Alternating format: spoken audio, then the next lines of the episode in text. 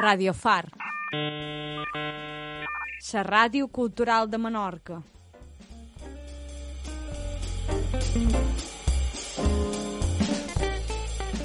Càpsules d'art per Carles Jiménez.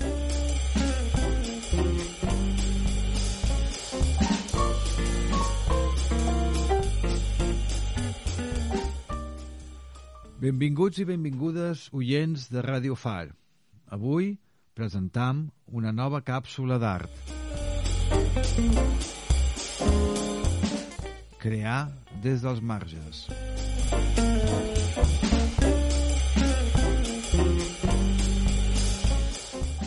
La història de l'art estableix que amb l'acabament de la Segona Guerra Mundial el centre de l'art es va desplaçar de París a Nova York, on l'expressionisme abstracte s'havia de convertir en una mena d'esperanto. El Museu Nacional Centre d'Art Reina Sofia va inaugurar el novembre del 2018 una exposició en la qual reivindicava París com a un poderós centre de producció artística en els anys posteriors a 1944, gràcies, entre altres motius, als artistes que fugien d'uns Estats Units conservadors, racistes i censors sota la bota del senador Joseph McCarthy.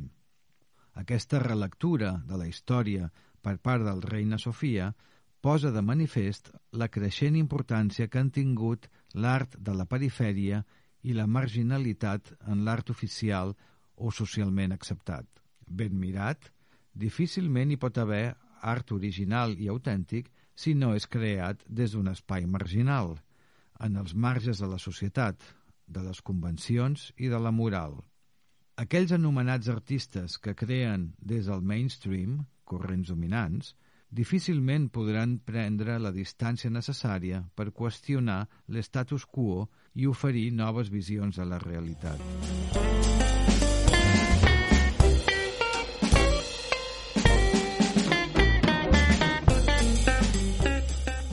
Dos dies després de la inauguració al Reina Sofia, s'inaugurava a la sala El Roser de Ciutadella l'exposició d'un pintor marginal menorquí, Josep Vives Campomar.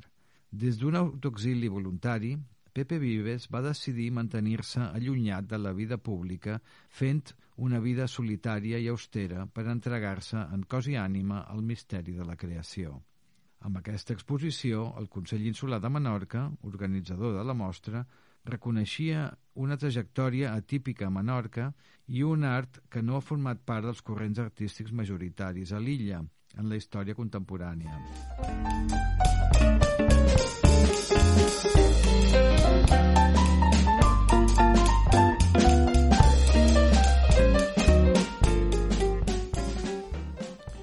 Els gustos majoritaris de la població giraven al voltant del postimpressionisme, el realisme i més endavant la neofiguració, Pepe Vives seguia un camí solitari pintant bodegons, que l'apropava més a la pintura expressionista castellana i que amb els anys ha anat guanyant en color i llum fent-se més vibrant, més mediterrània.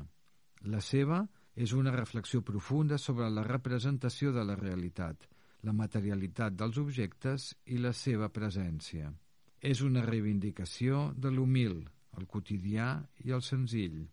És també una reflexió sobre la vida i la mort, el procés de descomposició de les prunes, cebes i objectes pintats per salvar-los de l'oblit. La seva és la pintura del silenci, de les vides silencioses a les quals es referia Giorgio de Quirico.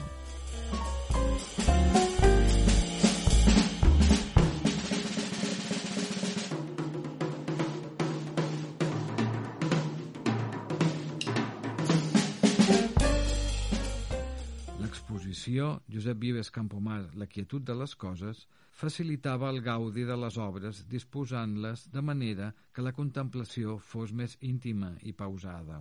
Per fer palès aquesta mirada pictòrica de l'autor, els objectes utilitzats com a models acompanyaven en alguns casos els quadres on són representats.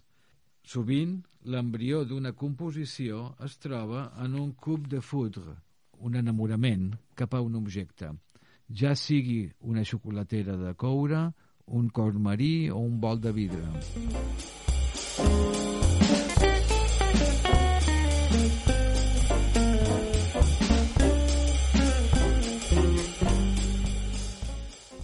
Assegut a una cadira trotinada, Pepe Vives lluita dia a dia, pinzell en mà, per expressar de la manera més simple i reveladora la realitat – un procés lent i ple d'inseguretats, perquè, com deia Samuel Beckett, ser artista és fracassar com ningú s'atreveix a fracassar. Tres bodegons que els nostres ulls podrien donar-se per finalitzats duien una cartel·la que ens advertia en procés. La marginalitat en què Pepe Vives ha viscut els seus 78 anys de vida i la seva dedicació total i absoluta a la pintura fan difícil establir on comença el pintor i on comença l'home.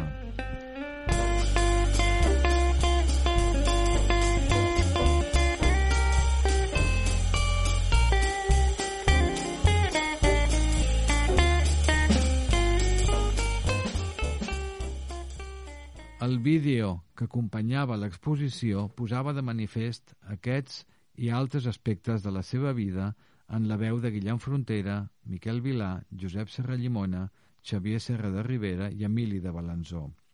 N'Emili de Balanzó, que malauradament ja no està entre nosaltres, i en Guillem Frontera han estat els seus amics i baladors i el lligam que sovint l'ha mantingut en contacte amb el món habitat i en aquesta ocasió va ser l'impuls decisiu per a que l'exposició fos una realitat.